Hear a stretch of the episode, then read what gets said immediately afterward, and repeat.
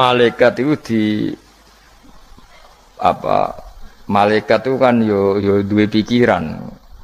Terus iblis yo di pikiran.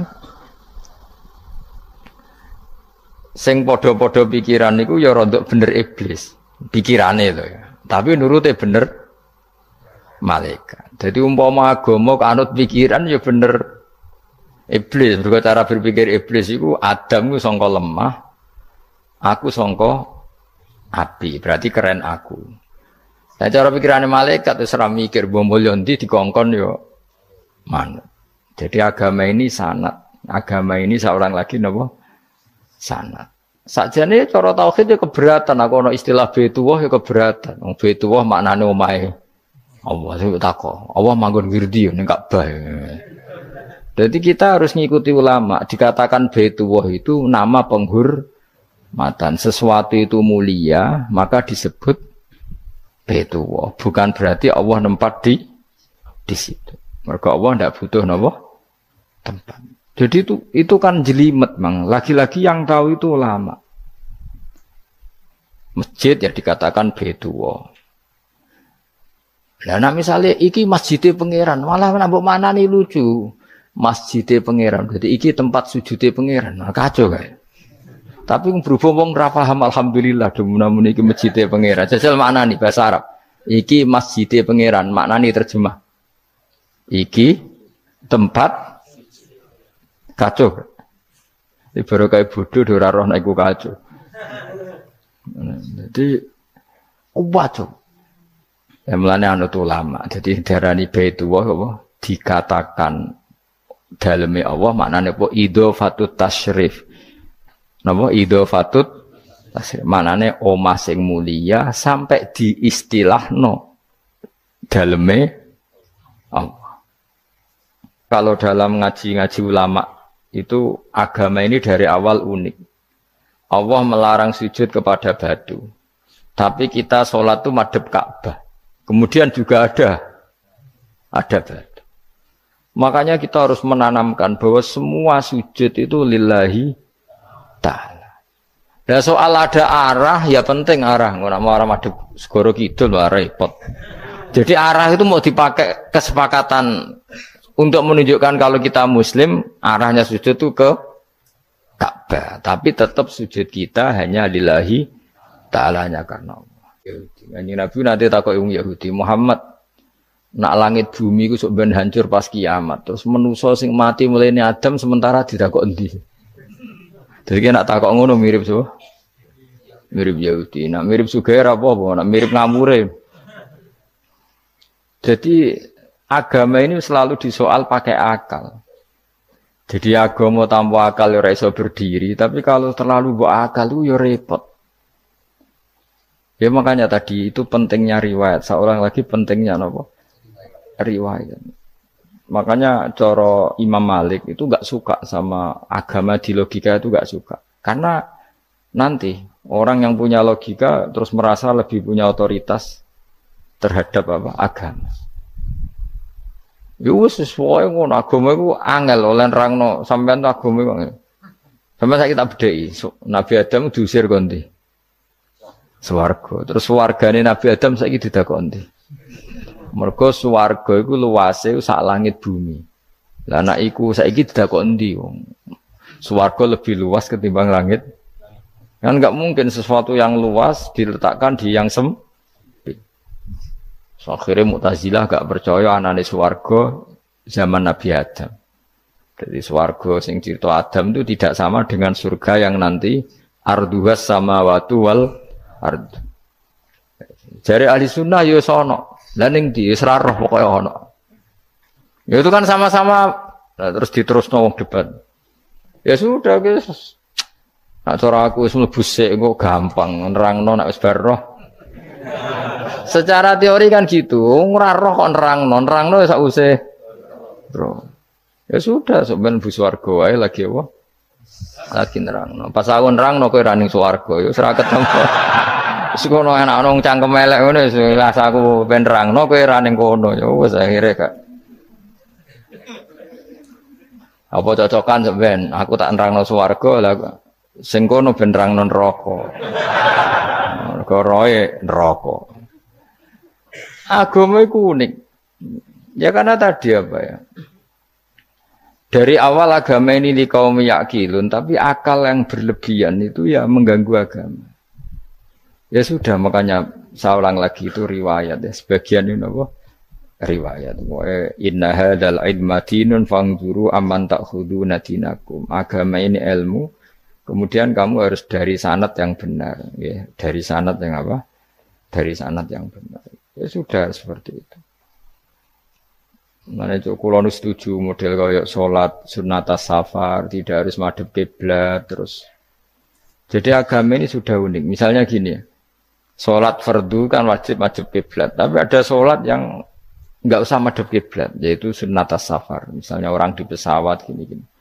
Karena guling-gilingan, hakikatnya kiblat itu tidak fokus kita, fokus kita namun Allah Subhanahu wa taala.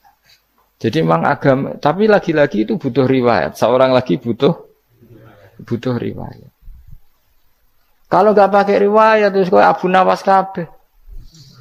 Karena tadi Amerika, seorang lagi Amerika, itu kalau dibor pas New York itu, itu kena Ka'bah. Lah logikanya kalau arahnya pas itu kan bebas arah. Berarti uang Amerika oleh sholat bebas.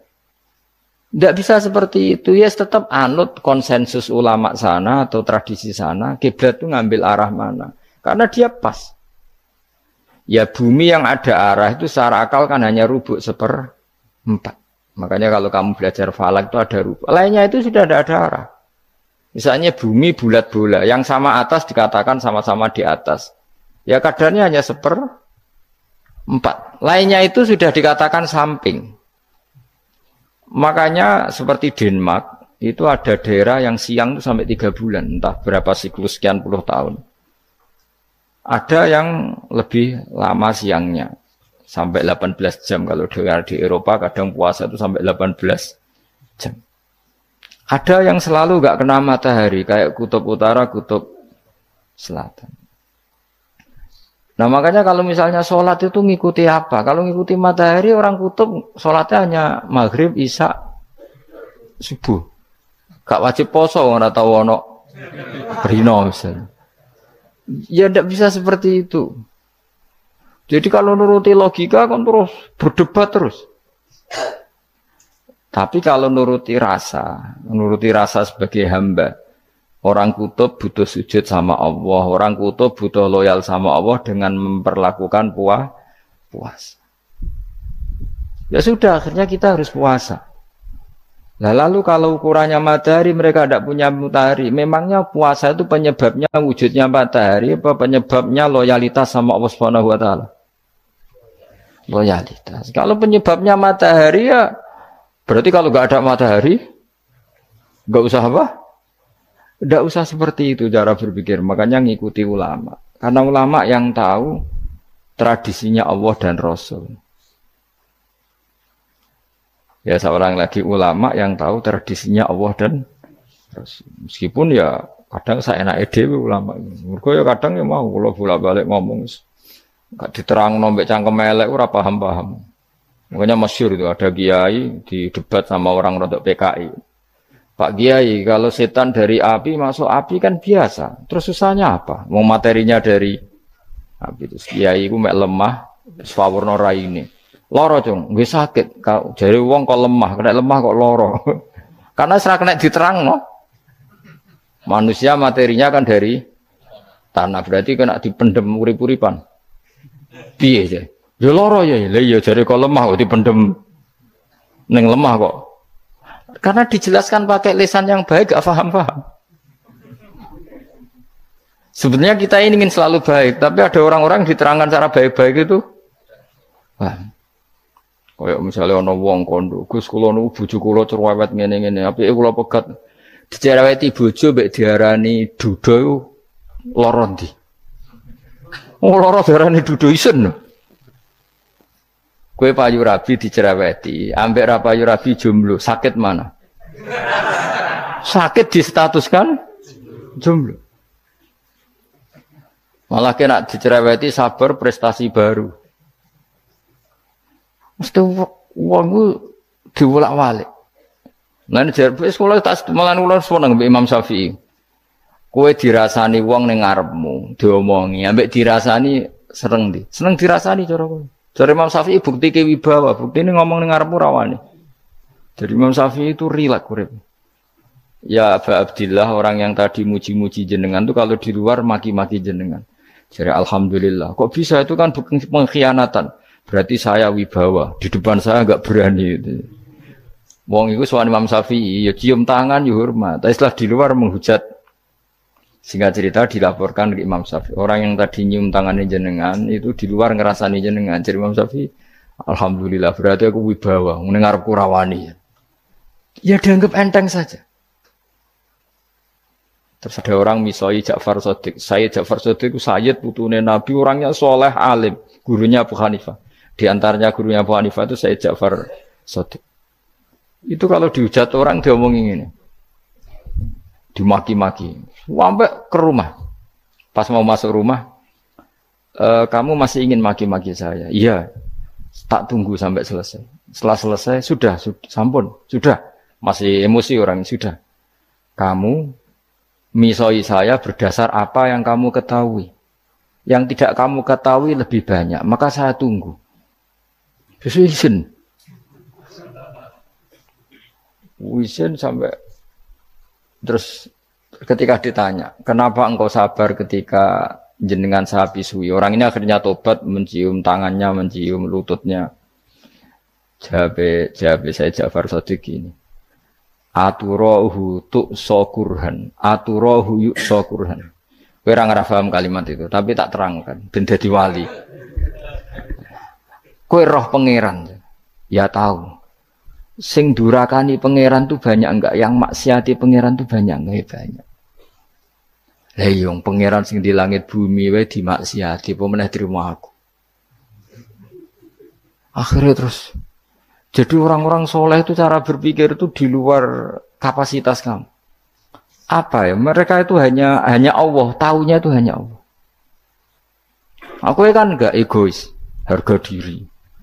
Mana, mana ada agama berdasar harga diri itu kalau dalam bahasa Arab disebut khamiyat al jahiliyah itu gengsi nopo? Jahili.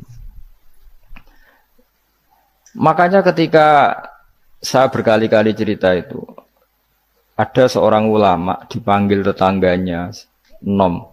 Setelah sampai situ sudah kembali saya tidak butuh kamu. Setelah sampai rumah dipanggil lagi sudah kembali lagi sampai tiga kali ulamanya yang tetap ceria tetap nyaman ketika ditanya kenapa engkau tetap nyaman wahai pemuda kamu itu tetangga saya kata Allah dan Rasul nak kue iman be Allah Rasul kon ngapi itu kon ngundang aku ya aku ya teko ya seneng nuruti perintahnya Ketika kamu nyuruh saya kembali, ya saya kembali. Memang itu keinginan kamu. Kue tanggaku, aku kon nurut bek tonggo. Aku ora urusane bek kue. Aku mau nyaman bek perintahnya. Oh, nangis pemuda tadi itu tobat. Kalau kamu kan warga diri orang kok dipimpong. Ah, ini gak bakat wali blas. Ya. Jadi orang dulu itu nyaman. Karena yes pikirannya namun Allah Subhanahu wa Umar bin Abdul Aziz itu termasuk khalifah paling soleh setelah periode sahabat. Itu mau kapundut itu sewantai, sewantai, semua. Ketika keluarganya menangis, kenapa kamu menangisi saya? Ya karena engkau mau mati. Memangnya kalau mati mau ke mana? Ilah khairi madhubin ilah kedat terbaik. Terus aku mbok kon nurip awar kuwe. Kuwe gak jelas iso ngrumat aku ta. Anak Allah malah jelas. Saiki apik ndi urip mbek ora jelas sampai sing jelas. Ya wis wis kapundhut. Kowe kan gak mati ku wedi. Dosane akeh. Lah mungkin nak urip terus ora dosa apa to kan. Mung gaya tok asline.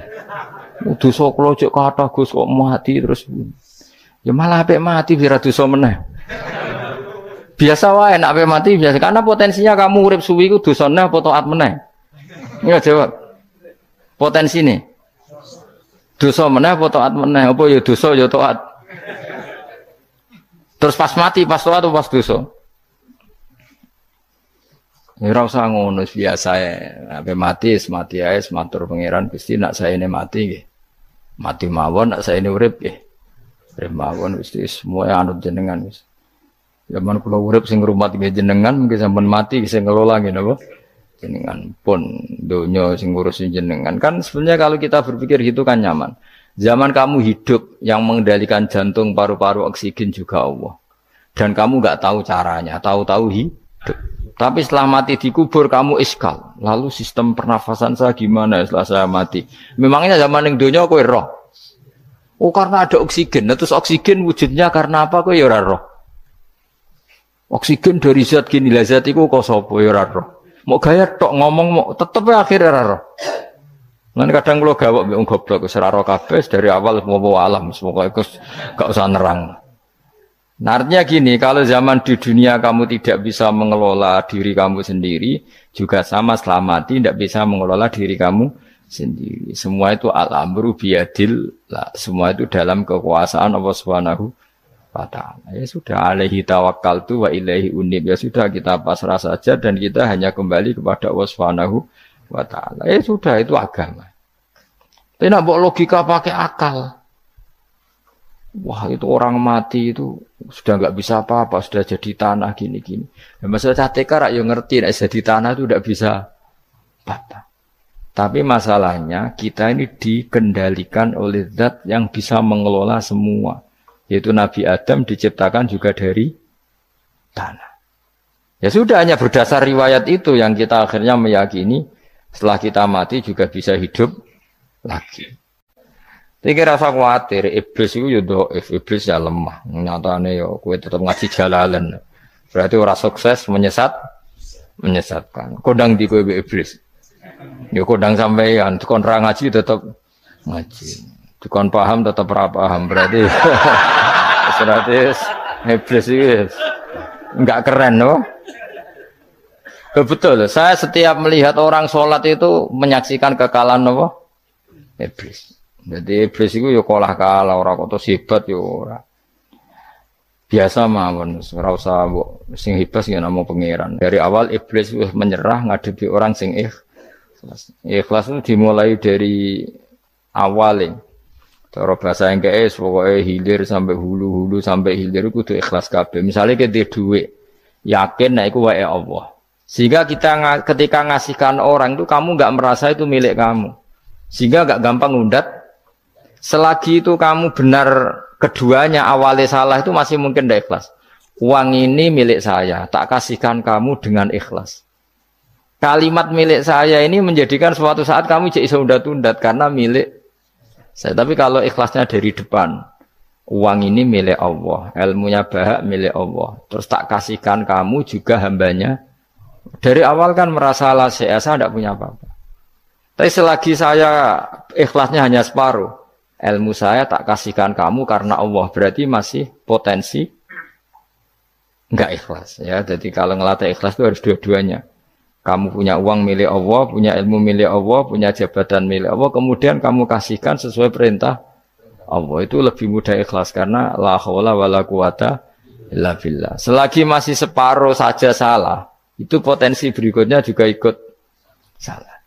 Misalnya aku ngurmat yatim gue ikhlas, duitku tak kena.